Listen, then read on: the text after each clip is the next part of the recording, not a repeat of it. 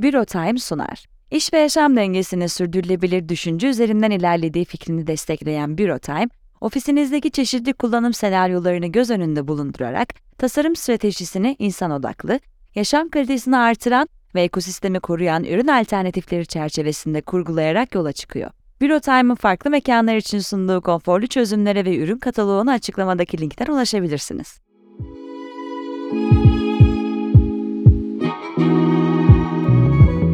Spektrum Son Düzlük'ten herkese merhaba. Ben Aposto Politika ekibinden Bartu. Ben Abdullah. Ben de İlkim. Bu seride Türkiye seçime doğru giderken yayımlanan kamuoyu araştırmalarının sonuçlarını tartışıyoruz. Toplumsal dinamikleri anlamaya, trendleri yakalamaya, anket verilerinin ardındaki gerçekleri görmeye çalışıyoruz. Zaman zaman araştırma şirketlerinden, akademiden, medyadan ve siyasi partilerden konuklarımızı da ağırlıyor, düşüncelerini soruyoruz. Son Düzlük'ten herkese merhaba. Bugün konuğumuz deneyimli gazeteci Murat Sabuncu. Murat Bey hoş geldiniz. Teşekkürler. Bugün aslında sizin hem T24'teki yazılarınızdan hem de Halk TV'de yaptığınız televizyon programlarında çok kıymetli tespitlerde bulunuyorsunuz bence. Biraz size o tespitlerinizi bugün onların üzerine konuşmak, biraz onların onlar hakkında sorular sormak istiyorum. Ee, ilk olarak çok çarpıcı bir cümle yazmışsınız geçenlerde. Unutmayalım, yaşadıklarımızın sorumlusu iktidar ise umutsuzluğumuzun sorumlusu muhalefettir diye bir cümleniz var. Ben de buna büyük ölçüde katılıyorum. Çünkü muhalefet bence e, şu anda seçimi kazandığı varsayımıyla hareket ediyor ve seçimden sonraki Türkiye'yi kurgulamaya çalışıyor ama seçimi kazanma işine sanki ya yeterince ortak bir e, dil kullanamıyorlar ya da o konuya yeterince konsantre olamıyorlar bilmiyorum. Ama bize şu anda seçimi kazanacaklarına, kazanabileceklerine dair bir umut bize veremiyorlar. Oysa ki bu çok farklıydı 2019'da mesela. Ekrem İmamoğlu'nun özellikle İstanbul'daki kampanyası tamamen umut üzerineydi. Her şey çok güzel olacak, işte İstanbul değişecek, Türkiye değişecek gibi söylemlerle e, insanlar inanmıştı bu değişime ve insanların inancı sayesinde bence o değişim gerçekleşmişti. Sadece bu da değil. Bence muhalefet zaman zaman kimlik siyasetine çok sıkışıyor. Zaman zaman siyaseti sadece Tayyip Erdoğan karşıtlığına indirgiyor ve kendi Türkiye tahayyülünü anlatmakta biraz zorlanabiliyor. Çok teorik kalabiliyor insanlara ulaşmak açısından. Bunlar benim tespitlerim ama siz muhalefetin insanlardaki umudu nasıl yaşartabileceğini düşünüyorsunuz? Bunun çok önemli olduğunu düşünüyorum. Çünkü umutsuz olursak hiçbir değişim olmaz gibi geliyor bana. Halk Meydanı diye bir program başladı Halk TV'de. Ee, orada e, gençlerin katılımı e, vardı ve e, siyasetçilerle, e, muhalefet siyasetçileriyle karşı karşıya geldiler. E, ben 4 saat boyunca dinledim sadece ve aralarda da konuştum gençlerle. Çok haklı olarak gençlerin e, bir kendi gündemleri var. Yani barınma, geçinme, var olma ve e, bir taraftan da hepimizin bildiği Nino diye e, tarif edilen ne işte ne okulda milyonlarca genç var. Şimdi Türkiye'de oy verecek kitlenin yaklaşık yüzde 42-43'ünü 35 yaş altı gençler oluşturuyor. Bunların bir kısmı da yaklaşık %11-12'si de ilk defa oy kullanacaklar. Bu kitleye baktığınız zaman bir taraftan e, Erdoğan iktidarının yarattığı bir e, demokrasisi olmayan, ekonomisi olmayan, geleceğiyle umudu olmayan bir dünya, bir e, ülkeyle karşı karşıyalar. Türkiye'den çoğu gitmek istiyor ne yazık ki. E, öbür tarafa bakıyorlar gençler. Şu anda muhalefet dediğimiz zaman en öne çıkan grup altılı masa diye tarif ettiğimiz e, partiler yani CHP, İyi Parti, DEVA, Gelecek, Saadet ve Demokrat Parti. Şimdi bu partiler yaklaşık e, bir, bir, senedir bir arada var olmaya çalışıyorlar. Bu varoluş süreçleri e, aslında bir taraftan zor. Çünkü 20 yıl boyunca bu ülkede tüm kurumları ele geçirmiş. Kendi medyasını yaratmış ki medyanın %90'ı iktidarın elinde. Bu medya aracılığıyla her türlü algıyı yaratabilen aslında devletin pek çok kurumunu da ele geçirmiş bir iktidar var. Yani bu iktidarla karşı karşıya gelmek bir taraftan zor bir şey ama bir taraftan da şöyle bir kolaylığı var artık insanlar bıktılar. Onun için e, bu birbirinden farklı ideolojik yapılara, geçmişlere sahip altı partinin bir arada olmasının zorlukları olmakla beraber bir taraftan da Türkiye'nin bugün geldiği, içinden çıkamadığı sistem anlamında umut olma şansları var idi. Bu arada bence hala var. Ama bu umut olma şanslarını bir partilerin aday belirleme ya da partilerin e, oluşacak yeni sistemde eğer kazanırlarsa iktidarı paylaşma süreçlerinde belli bir tartışması ortaya çıktı. Yani işte CHP'nin Meral Akşener'in İyi Parti Genel Başkanı'nın e, Cumhurbaşkanı değil e, Başbakanlık yapmak istiyorum cümlesinden sonra Kemal Kılıçdaroğlu'nun ister istemez kendine bir alan görerek o alanda liderlik yolunda Cumhurbaşkanı adaylığı noktasında adım atması, arkasından Meral Akşener'in ve ekibinin bundan rahatsız olması ve hep beraber kazanırız mottosu yerine Kemal Kılıçdaroğlu kazanamaz mottosunu işleyerek CHP'leri bir şekilde sistemden uzaklaştırılması. Yine İyi İyi Parti'nin Kürtlerle, HDP seçmeniyle farklı farklı noktalarda ayrışmaya başlaması ve bir ortak çalışmadan uzak duruyor olması. Son olarak bu yaklaşık 12 e, Şubat e, altı liderin bir araya gelmesi bu sene. Arkasından 28 Şubat e, bu e, güçlendirilmiş parlamenter sistem açıklamalarını yapması, altı liderin bir araya gelmesi. Sonra da işte ayda bir kere, son dönemde 15 günde bir kere bir araya gelmeleri. Şimdi bütün bunların sonucunda ortaya çıkan bir somut bir nokta var mı? İşte önümüzdeki hafta pazartesi günü yani 28 Kasım'da bir anayasa teklifi ortaya koyacaklar. Burada çok kısa bir parantez. Anayasa toplumsal bir uzlaşma anlamına gelir ve bizim şu andaki iktidardan en çok uzaklaştığımız nokta nedir? Tek bir adam karar veriyor, Türkiye'yi zorluyor. E siz 10 aydır birliktesiniz. Anayasayı oluştururken sivil toplumla, gençlerle, üniversitelerle, akademiyle kimle konuştunuz? Konuşmadınız ve yine üstlenip bir şekilde anayasayı ortaya koyacaksınız. Yine de bütün bu dezavantajlara rağmen ben eğer Türkiye'nin önüne ekonomiden dış politikaya, gençlerin umutlarına belli bir projeyi koymaya başarabilirler ise ortaya çıkacakları adayla beraber o adayın e, arkasında doğru, doğru bir şekilde durup bir propagandayı iyi şekilde yapabilirler ise hala şansları olduğunu düşünüyorum. Son bir cümle. Anketler şunu gösteriyor. %60'a varan bir muhalefet oyu var. Değişik yerlerde altılı masada, emek ve özgürlük platformunda falan. O öbür tarafta %40-42 civarında olan bir Cumhur İttifakı oyu var.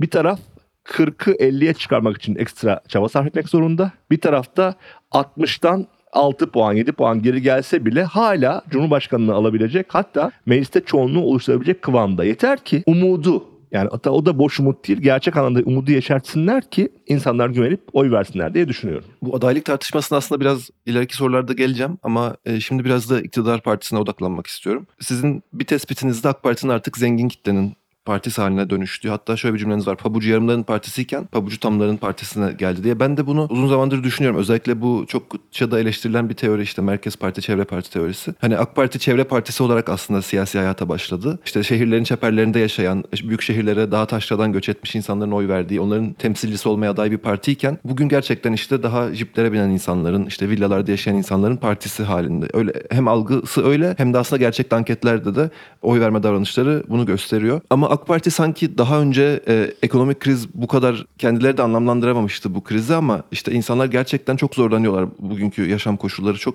Türkiye'de giderek zorlaşıyor da her gün. İşte ekmek yiyen aç değildir, kriz yoktur, öyle bir şey nerede duyduğunuz krizi gibi bir noktadan sanki AK Parti evet kriz var bunun farkındayız. Belki bunun sorumlusu da biziz ama bunu biz çözebiliriz. Başkası çözemez çünkü daha önce de oldu ve yine biz çözmüştük gibi bir e, retoriğe döndü. Bunun karşısında sizin öneriniz aslında muhalefetin sınıf siyaseti izlemesi ve yoksullara hitap edebilmesi, işçiler, işçilere hitap edebilmesi belki. Bunun yolunun ne olduğunu merak ediyorum. Çünkü hem eleştiriyoruz işte CHP kimlik siyasetine sıkışıyor. işte başörtülülere yasal güvence verecek. Bu şimdi bunun sırası mı ne alaka gibi yorumlar çok yapılıyor. Ama bir yandan da belki sınıf siyasetinin izlenmesi için ve başarılı olabilmesi için dar gelirli insanların kimliksel hassasiyetlerine de belki öncesinde bir barış protokolü gibi düşünülüyor bu. Siz nasıl bakıyorsunuz? Sınıf siyasetini muhalefet nasıl izleyebilir? Yani e, öncelikle e, ben Kemal Kılıçdaroğlu'nun helalleşmeyle ilgili yaptığı çıkışın son derece anlamlı ve doğru olduğunu düşünüyorum. O çok önemli bir hamle. Fakat başörtüsü çıkışının şöyle bir farklı yönü, yönü var. Türkiye'de şu anda 28 Şubat sürecinde e, e, genç kadınların üniversite gidişleri engellendi. E, son 8-10 seneye kadar başörtülü insanların kamusal alanda görünürlüklerini azaltmak için herkes elinden geleni yaptı. Kendince katı layık bir çerçevede çok büyük mağduriyetler var. Ama son 10 senedir Cumhuriyet Halk Partisi'nin de özellikle Kemal Kılıçdaroğlu'nun da belli bir şekilde desteğiyle bu sorun aşılmıştı. Şimdi şu anda özellikle son 4-5 senedir Türkiye'de kendini layık seküler olarak adlandıran kesimlerin bir problemi var. Dolayısıyla siz şu anda özgürlükleri sadece başörtü anlamında tarif ederseniz, e, şimdi Türkiye'de özgürlük sadece e, Sünni İslam'ı e, benimsemiş insanların özgürlüğü değil, sadece Alevilerin özgürlüğü değil, sadece Kürtlerin özgürlüğü değil, hepimizin temel anlamda bir özgürlük e, alanına ihtiyacımız var. Şimdi siz sadece bunun özgürlüğün bir kısmını tarif ederseniz ve bu tarifiniz açısında şu anda bir takım aşılmış problemler varsa yani hepimizin aslında ortak bir demokratik hukuk, hukuk zeminini tarif ettiğimiz andan itibaren sen başörtülüsün, benim başım açık, o Alevi, o Sünni, o Kürt hiç böyle bir şeye ihtiyacımız kalmayacak. Ben benim orada başörtüsüyle ilgili Kemal Bey'in yaptığı çıkışa itirazım bir demokratik hukuk zeminini tarif ettiğiniz andan itibaren kimseye ekstra bir şey tarif edece anayasada gerek kalmayacak. Bir öncelikle bu. İkincisi kimlik siyaseti çok çok önemli. Onu hiç itiraz etmiyorum. Ee, yani Türkiye'de e, eşit yurttaşlık anlamında e, Kürtlerin e, e, uğradığı e, şu andaki bu e, ayrımcılık, hedef gösterilmeleri, insanların iktidarın da e, çizgi çizgiler çerçevesinde bir araya gelmemeleri bunların her biri çok çok büyük sorunlar. Ama bir taraftan da öyle bir ekonomik bir durumla karşı karşıya ki Türkiye ve Türkiye'deki insanlar. Bu eğer e, sınıf siyasetini yani işte neoliberalizm karşıt yeni bir sosyal devlet tanımı, bu sosyal devlet tanımı üzerinden haklar. Zaten ben şunu düşünüyorum. Kimlik ve e, sınıf siyaseti ve aynı anlamda e, bir şekilde bunların ikisinden ortaya çıkacak bir demokratik yeni bir Türkiye Cumhuriyeti tarifi üzerinden bir yere doğru Türkiye gitmeli. Yani bunların aslında her biri birbirine ortak kestiği alanlar da e, e, var. Dolayısıyla eğer e, Türkiye'de e, ben özellikle Hacı Arfago'yu çok yakın takip ederim. E, Derin Yoksulluk Ağı. E, onun e, işte yeni bir kitabı da çıktı hatta. E, bu e, alandan hep haber verir. Şimdi Türkiye'de Türkiye'de iyi beslenemediği için bodurluğu artmış ne yazık ki çocuklar var. Türkiye'de iyi beslenemediği için ya da e, oturduğu ev, oturduğu bina sağlık koşullarına im- imkan vermediği için koa hastası olan onlarca, binlerce, on binlerce çocuk var. Bir tane acı bir hikaye size anlatayım. Bakın bu çocuklar, yoksul çocuklar, derin yoksullukla ilgili çocukların çocuklarıyla kendi çocuklarının oynamasını istemeyen daha tırnak içinde daha orta sınıf insanlar var. Bu çocuklar anne baba evden dışarı bir şekilde kağıt toplamaya başka türlü işlere gitmeye çalışıyor. Evde yalnız kalıyorlar. Okul çağına geldikleri zaman çocukların evde anne babası olmadığı için çalıştıkları için bütün gün. Ya da diğer insanlar kendi çocuklarını yoksul çocuklarla oynatmadıkları için kelime hazneleri az oluyor ve bu çocukları öğretmenler acaba bunların zeka gerilimi var diye başka bir türlü dışlama ya da başka okullara göndermeye çalışıyor. Şimdi bunlar Türkiye'nin somut gerçekleri. Ve bütün bunlara baktığınız zaman şu bir gerçek. Türkiye bir sosyal devlet olma yolunda e, bir adım atmaz ise yani bunu sadece hani ben bütçe rakamlarında biliyorum işte AKP seçim döneminden evvel %1'ler civarında sosyal yardım destekleri şimdi 2-2,5'a çıkarttı. Çünkü CHP'nin de böyle aile politikaları, yeni projeleri var falan. Ama bu sadece bu kadarla kalacak bir şey değil. Yani Türkiye'de yoksulluk özellikle son 15-20 senedir babadan oğula, babadan kıza, aileden bir miras gibi bir diğerine yansıyor. Yani bir miras. Yoksulluk Türkiye'nin mirası haline geldi. Neden? Çünkü iktidar bir taraftan kendine bağımlı hale getirmek istediği kitlelere iş bulmak ya da o sosyal statüyü eğitim anlamında farklı bir yere getirmek yerine kendine bağımlı kitleler oluşturmak açısından bir politika kurdu. Ve bu politikada liyakat yok, efendim işte paylaşma yok, kendi partilisine verdiği iş, kendi partilisine verdiği yardım çerçevesinden bir noktadan yürüyor. Oysa Sadakat üzerine aslında. e, yani oysa sosyal yardım bir insan hakkıdır ve sosyal yardımın bu insan hakkı noktasında eşit bir şekilde paylaşılmasında hangi partiden olduğunuz, kim kim olduğunuz, ne olduğunuz hiçbir önemi yoktur. Ama bugün e, baktığınız zaman yani bizim çocukluğumuzda şöyle bir şey vardı. Ben eğer herhangi bir şekilde iyi bir okulda okursam, ailemin maddi durumu, benim maddi durumum, sosyal statüm hiç önemli değil. Bir gün bir yerde bir hakkımla bir iş sahibi olabilirim diye hep düşünürdük biz. Yani bir yere gelebilirim, bir yerde var olabilirim ama şu anda iktidarın yakınında olmazsan, iktidarın tarif ettiği çizgide olmazsan, hatta AKP'nin üyesi olmazsan alacağın sosyal yardımdan bulabileceğin işe kadar pek çok noktada çok ciddi bir e, çöküş var. Şimdi bütün bunlara baktığınız zaman öncelikle bir toplumun ortak bir toplumsal sözleşmesi noktasında bir uzlaşmaya bir arada olmaya, bir nefes olmaya ihtiyacı var. Son bir şeyle bitireyim bu sorunuzu. Şimdi bakın bu altılı masa içinde milliyetçi bir parti var. E, muhafazakar partiler var. Sosyal demokrat bir parti var. Yani aslında Türkiye'nin değişik kesimleri var. Yani Türkiye'de hani ana e, şeyler diye baktığınız zaman işte e, muhafazakarlar, sekülerler ve Kürtler diye kabaca tarif edebilirsiniz. Ne yazık ki Kürtler yok. Ve ne yazık ki belli ki iktidarın çizgi çizgi yüzünden onlar burada olmayacaklar, olamayacaklar. Ama en azından bu altılı masa bir Türkiye geleceği noktasında e, ortak bir demokratik yaşamı, bu yaşamla ilgili e, noktaların altını doğru dürüst doldurabilirse bir umut olabilir. Ve ben şunu da düşünüyorum. Er ya da geç İyi Parti'de tırnak içinde oylara da bakarak HDP ile Kürt seçmenle bir şekilde bir ilişki kurmak zorunda kalacak ve ben daha da işin e, farklı noktasında düşünüyorum. Bugün aldığınız oy ya da oylar çok önemli değil ama biz hep beraber bir ortak yaşamı inşa etmek zorundayız. Bu ortak yaşam Kürtsüz olmaz. Bu ortak yaşam muhafazakarsız olmaz. Bu ortak yaşam solcusuz olmaz. Bizim farklılıklarımız bizi birbirimize karşı karşıya getiren şeyler değil. Bizim zengin- zenginliklerimizdir. Yani Türkiye'nin hep beraber kuracağı ortak ittifakta bir sesin eksik olduğu bir ya da bir rengin eksik olduğu ya da bir görüşün eksik olduğu nokta tamamlayıcı olmayacak diye düşünüyorum. Burada şunu sormak isterim araya girip.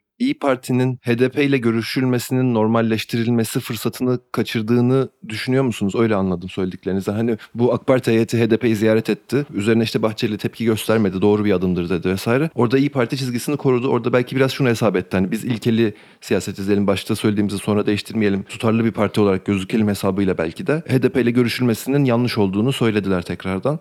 Ee, bu sizce kaçırılmış bir fırsat mı? Nasıl bakıyorsunuz buna? Ya da e, şu şey çağrısını da e, Cumhurbaşkanı Erdoğan'ın Akşener'e yaptığı işte oradan kalk yerli ve milli bir siyaset izle çağrısını da belki de böyle mi okumak gerekiyor? Yani işte İyi Parti iyice köşeye sıkıştırma çabası olarak mı görmek gerekiyor? Ya tabii siyaseti ben hani şöyle biraz okuyorum. Sana çizilen çerçevenin dışında cesaret edebileceğin ne vardırdır aslında siyaset. Yani şimdi bütün eleştirilerimize rağmen Recep Tayyip Erdoğan bu 20 yıllık iktidarın en aşağı 58 yılında bilinen kalıpların dışında kimi noktaların altını çizdi ve zaman zaman kitlesini dönüştürebildi. Yani bir siyasi parti lideri ya benim tabanım bu ben buna göre hareket ederim diye mi bakacak hayata yoksa ben tabanımı dünyanın, memleketin iyiliği için dönüştürebilirim ve dönüştüreceğim diye mi bakabilir? Yani örnek yani eksiğiyle, gediğiyle, az şeffaf olmasıyla Türkiye'nin çözüm sürecinde Erdoğan'ın Kürtlerle kurmaya çalıştığı ilişki hala bütün eleştirilere rağmen Kürt sokağında ya aslında en iyi dönem tırnak içinde arayıştan olduğu en iyi dönem oydu noktasındaydı hala. Şimdi İyi Parti biz ilkeli partiyiz diyor. Peki HDP ile Türkiye'nin meşru seçilmiş bir 6 milyon seçmenin çoğunluğunu Kürtlerin oluşturduğu 6 milyon seçmenin oy verdiği bir partiyle bir masanın etrafında oturmak, onunla konuşmak, tartışmanın ilkesizliği nerede ben bunu anlayamıyorum. Kaldı ki HDP ve eski eş genel başkanı Selahattin Demirtaş sürekli olarak ortak vatan, ortak memleket, ortak sınırlar, e, Türkiye'nin Serbi sendromunu anlamak lazım, birlikte olmamız lazım, barış. Yani hani daha tırnak içinde bu bir Türk milliyetçisi partiyi provoke edebilecek sözler, söylemler olsa ve deseler ki ya biz buna nasıl yan yana oturalım? Tam tersine. Geçen sene Eylül ayında, 2021 Eylül ayında 11 maddelik HDP bir yol haritası metni koydu ortaya. O metne baktığınız zaman da, Demirtaş'ın verdiği mesajlara baktığınız zaman da tam tersine oturulabilir şeydir. Yani işte terör örgütüyle HDP arasında sıkışmayacağız. İşte Kürt e neresi var? Hani şunu mu ima ediyorsunuz? Bir dönem AKP biliyorsunuz Diyarbakır'da veya işte Doğu ve Güneydoğu illerinde neredeyse hep bir, birinci parti çıkıyordu pek çok ilde.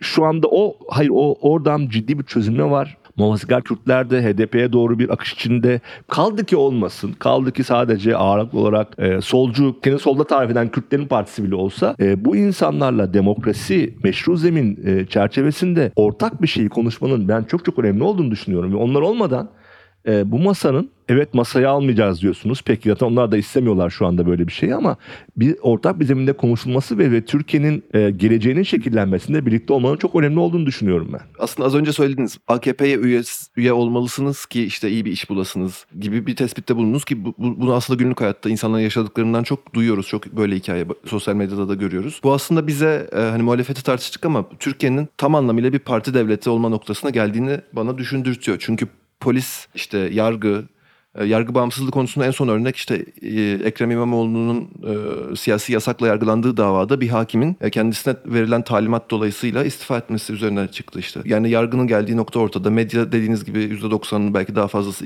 doğrudan iktidar kontrolünde. Yani bizim mühürsüz oyların geçerli kabul edildiği bir referandum düzenledi Türkiye'de. Bundan sonraki seçimde YSK'nın ya da işte devletin haber ajansının nasıl bir tavır takınacağını biz bilmiyoruz. Ve açıkçası toplumun büyük bir kesimi çok da güvenmiyor. Yani bu hani şey tespiti yapmıştık işte AK Parti çevre partisiydi, merkez partisi oldu. Zaten merkez partisi olmanın özelliklerinden biri de devletin belki de nimetlerinden çokça yararlanmak, devlete yerleşmek. Ben bu ortamda muhalefette bu kadar parçalı bir görüntü verirken aslında bir birlik görüntüsü yerine işte bir araya gelemiyorlarken, iktidarda bu kadar güçlüyken kurumlarda e, bir iktidar değişiminin nasıl mümkün olacağına dair insanların kafasında bir soru işareti doğuyor. Yani muhalefet belki iktidar olur ama o iktidar hani muktedir olabilir mi? Hani AK Parti'nin erken yıllarında hep konuşulan şeydi. İktidarız ama muktedir değiliz derdi Cumhurbaşkanı Erdoğan. Benzer bir sorunla muhalefetin karşılaşabileceğini düşünüyor musunuz? Eğer yani e, varsayalım ki altılı masanın ortak adayı Cumhurbaşkanı seçildi. Bu kadar AK Partilileşmiş kurumlara o Cumhurbaşkanı nasıl e, hükmedecek, nasıl yönetecek, e, nasıl günler bizi bekler?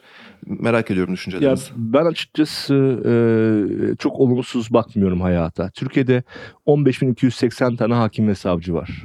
Bu 15.280 hakim ve savcı içinde özellikle 15 Temmuz darbe girişiminden sonra AKP örgütlerinden avukat olan pek çok kişinin hakim savcı olduğunu görüyoruz. Bu 15.280 kişinin içinde bu arada pek çok yaklaşık 50-60 tane e, temel hakimin ve savcının özel görevlendirmelerle benzer davalarda karşımıza çıktığını da görüyoruz. Cumhuriyet davasında, işte Demirtaşların davasında, Sözcü davasında e, yani politik davalarda bu isimlerin hepsine karşı karşıya kalıyoruz. Ama bunların sayısı 50, 60, 70'i geçmez. Bürokrasi, e, güvenlik bürokrasisi ve yargı bürokrasisi son tahlilde e, ülkenin genel atmosferine ve bir şekilde uyum sağlayan bir yerdir. Ben 15.280 tane savcının ya da hakimin tamamının ya arkadaş ne yargısı biz iktidarın istediği şekilde keselim, e, biçelim diye e, düşündüğünü düşünmüyorum. 50 kişi, 100 kişi, 200 kişi vardı. Zaten bunları biliyoruz. Nereden biliyoruz? İşte e, meşhur Cumhuriyet İstanbul Başsavcısı, Cumhuriyet Savcısı İrfan Fidan Yargıtay'da bir gün çalışmadan pat Anayasa Mahkemesi'ne gitti. Onu biliyoruz. Veya işte e, Muharrem İnce eski İçişleri Bakan Yardımcısı işte Sayıştay'da bir ay kalıp oraya gitti biliyoruz. Yani bu tip somut isimler var. Ama ben bütün sistemi, sistemin belli bir kısmının tamamen yani bu haksızlıklar, hukuksuzluklar karşısında tamam arkadaş ne yapalım biz işte bir gün yargıta üyesi olmak için ya da bir gün başka şey olmak için bunu yaparız noktasında olduğunu düşünmüyorum. Bir. İkincisi benzer bir şey e, poliste de var. Evet polis şu anda hakikaten Türkiye'de çok kötü bir sınav veriyor. Yani tarihin de belki biraz sonra konuşuruz ama Türkiye'de 358 bin tane polis var. Bu 358 bin tane polisin tamamını aynı çerçeveden göremeyiz ki ben Temür Ezara Tolga Şardan'ın yazılarından bu arada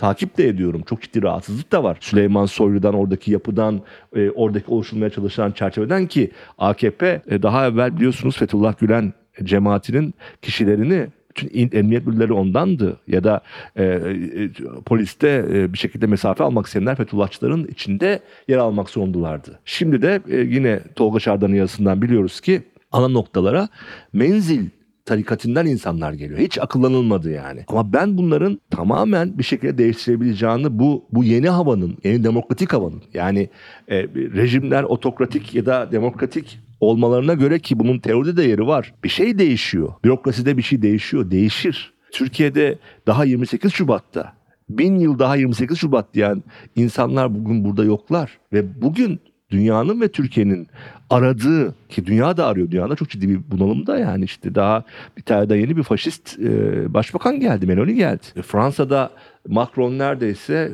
Le Pen'e kıran kırana e, bir yarış oldu. Yani dünyanın her tarafında veya işte Avrupa'nın göbeğinde Orban. Bütün bu otokratik rejim heveslerinin dünyanın her tarafında olduğunu ama bir taraftan da gençlerin, kadınların da öncülüğünde özellikle onlar çok önemli.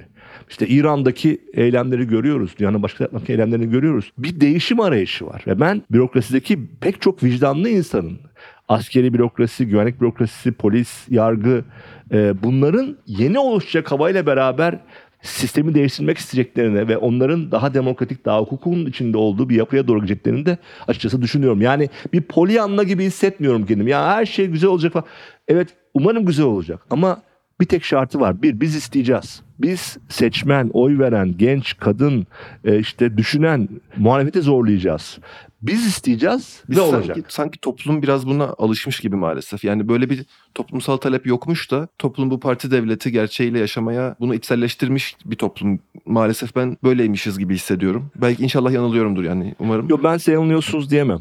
Yanılıyorsunuz diyemem ama Bekir Ardır'ın lafıdır bu. Çoban ateşleri der o. Çoban ateşleri yanıyor. Yani ne demek çoban ateşleri? Ya umut şeyleri. Yani Türkiye'de kadın hareketini kimse geri durduramadı. Türkiye'de Boğaziçi Üniversitesi'nde hakkını arayan öğretim üyelerini ve öğrencilerini kimse durduramadı. Türkiye'de Kaz Dağları'nda veya İkizdere'de ormanına, ağacına, çevresine sahip çıkan insanları kimse durduramadı. Türkiye'de Kürt hareketinin cezaevlerinde yüzlerce, binlerce milletvekili çalışanı olmasına rağmen o hareketin demokratik Türkiye içinde siyaset e, isteğini kimse durduramadı. Ve Türkiye demokrasinin barışının bir şekilde bu çoban ateşlerinin yan yana gelmesiyle, herkesin birbirini anlamasıyla bir noktaya döküleceğini düşünüyorum. Ve size şunu söyleyeyim. Bakın şehirleşmeyle beraber ki şu anda neredeyse kırsalda %20 yaşamaya başladı. %80'imiz şehirlerde yaşıyoruz. Birbirimize dokunuyoruz. Yani bir bir e, bir muhafazakar, bir e, sekülerle, bir seküler, bir e, işte ne bileyim daha farklı görüşteki insanlarla dokunuyor, görüyor. O da benim, biziz beraberiz. Yani ne var ki yani birbirine aslında bizim benim çocukluğumda da böyleydi biliyor musunuz? Yani işte Ramazan zamanı farklı sofralar kurulur. İşte bizim e, farklı e, inançtaki, görüşteki insanlar birbirinin yanına gelirler falan. Şimdi biz büyük şehirlerle tekrardan bunu görmeye başladık. Şehirleşmeyle, yan yana gelmeyle beraber insanlar birbirleri hakkında anlatılan o öcü hikayelerinden uzaklaşmaya başladılar. Ama bir tane somut şey de e, vereyim. Sizin o biraz daha karamsar yaklaşımınıza yakın bir şey. E, Turkuaz Lab'in bir kutuplaştırma araştırması oldu. Orada çocuğumun e, başka partideki e, kişinin çocuğuyla oynamasını istemiyorum diyenlerin oranı %60'lara çıktı. Bu da bir risktir. Yani %60 diyor ki ya başka partinin çocuğuysa oynamasın benim çocuk diyor. Yani bu, bu, bu risk var bunu görüyorum ama bir taraftan e, bunu biz e, hep beraber yani konuşarak yan yana durarak demokratik bir sistem içinde arayarak değiştirebiliriz diye düşünüyorum. Murat Bey son soruma geçiyorum şimdi. Biraz belki provokatif bir soru olacak ama sizin bir tespitiniz şu. e, Kılıçdaroğlu hala adaylık için en öne çıkan isim diyorsunuz. Yarın bu değişebilir belki. Ama şurası kesin ki CHP tek ses bir şekilde tek bir aday olmasını isteyecek altılı masada ve hani altılı masada da bir denge sağlandı bu konuda diye bir tespitte bulunuyorsunuz. Ben de şöyle düşünüyorum. Kılıçdaroğlu'na tabii ki çok saygı duyuyorum. Hem CHP sizin az önce bahsettiğiniz gibi CHP'nin tabanını dönüştürme noktasında yıllar içinde büyük bir çaba gösterdi. Hem diğer partilerle e, yerel seçimde işte e, bir ittifak kurdu. Şimdi altılı masayı toparladı falan. Bütün bu çabalarına gerçekten saygı gösteriyorum. Ama ben bu toplumun içinde yaşarken Kılıçdaroğlu'nu canla başla destekleyen, Kılıçdaroğlu'nu çok sevdiğini söyleyen hiç kimseyle tanışmıyorum. Ne ailemde böyle biri var, ne arkadaşlarımın arasında böyle biri var. Askere gittim mesela hiç kimse yoktu. Böyle bir şey yok. Kılıçdaroğlu'nun çok fazla yıpranmış, çok fazla seçim kaybetmiş ve çok böyle işinin ehli değilmiş gibi bir öyledir demiyorum ama itibarı e, algısı toplumdaki böyle. Bunu kendi gözlemim bu şekilde. Bunu kendisi bunun farkında değil mi? Yani kendisinin adaylık ihtimaline yönelik çok büyük bir itiraz var. Yani çok farklı görüşteki insanları birleştiren bir şey Kılıçdaroğlu'nun adaylığına karşı çıkmak şu an Türkiye'de. Kendisi bunu nasıl görmez? Bunu merak ediyorum. Ve son günlerde sanki Ekrem İmamoğlu'nun adaylığının tekrardan ısıtıldığı ve tekrardan öne çıktığı gibi bir fikre kapıldım ben. Hem işte bu Sözcü gazetesinin İmamoğlu'na yönelik a, ambargoyu bitirmesi hem işte e, Akşener'in İmamoğlu'nu destekleyen mesajlar paylaşması, Kılıçdaroğlu'nun da İmamoğlu'yla buluşması gibi gibi. Hani çok fazla şey arar olduk zaten işte. O kaşını kaldırdı ne anlama geliyor? Bu böyle hani biraz da keşke biraz daha her şey açık olsa ve biz böyle söylentiler üzerinden yorum yapmak zorunda kalmasak ama siz son zamanlarda bu dengenin değiştiğini düşünüyor musunuz? Çünkü biraz eski tarihli bir yazınız. E, İmamoğlu'nun biraz daha öne çıktığı fikrine katılıyor musunuz? Bir de Kılıçdaroğlu gerçekten kendisi hakkındaki toplumdaki bu algıyı nasıl oluyor da görmüyor? Bu konudaki düşüncenizi merak ediyorum. Türkiye'nin Obama'sıdır Kemal Kılıçdaroğlu. Önce size onu söyleyeyim. Ee, bu e, tespit Profesör Doktor Ali Yaycıoğlu'nun Stanford Üniversitesi'nde.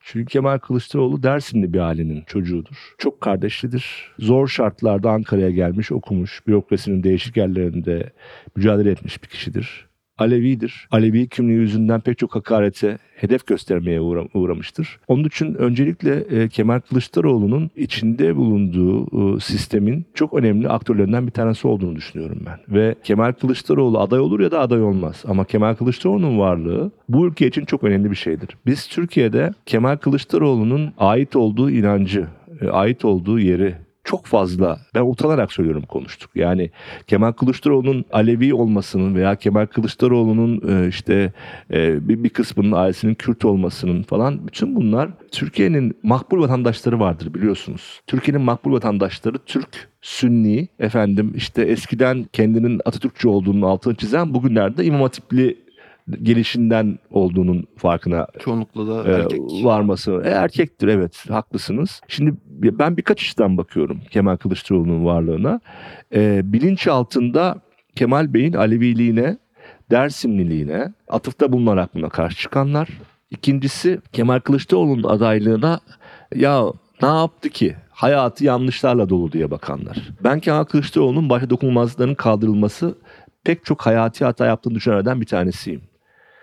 Ama benim durduğum nokta Kemal Kılıçdaroğlu aday olsun ya da aday olmasın noktası değil. Benim durduğum nokta Kemal Kılıçdaroğlu ya da kim aday olacaksa kimliğinin, inancının, yaptıklarının dışında bir yerden şey yapmak. Yani ben herkese şunu soruyorum. Kılıçdaroğlu tabii doğal olarak ve tabii demin ilk başta konuşmamızda söyledim. İyi Parti e, Kemal Kemal Kılıçdaroğlu'nun alnına e, Meral Akşener'in ve ekibinin katkısıyla kazanamaz damgasını vurdu. Beraberce yaptılar bunu. Tabii ki de bir altılı masa Kemal Kılıçdaroğlu'nun adaylığına karşı çıkabilir. Ama Meral Akşener ve ekibi kazanamaz damgası vurmak yerine hep beraber kazanacağız diyebilseydi yani aday ismini anmadan ya da Kemal Bey'i bir şekilde farklı yere itmeden daha farklı bir nokta olurdu. Şimdi ben şöyle düşünüyorum. Adalet yürüyüşü e, Türkiye Cumhuriyeti tarihinin en önemli toplumsal hareketlerinden bir tanesidir ve Türkiye'de bir umut vermiştir. Türkiye'deki insanlara adaletsizliğe karşı hep beraber yürümüştür. Helalleşme çok önemli bir hamledir sözel ve Cumhuriyet Halk Partisi gibi 100 yıla varmış. O helalleşme dediğiniz zaman pek çok noktada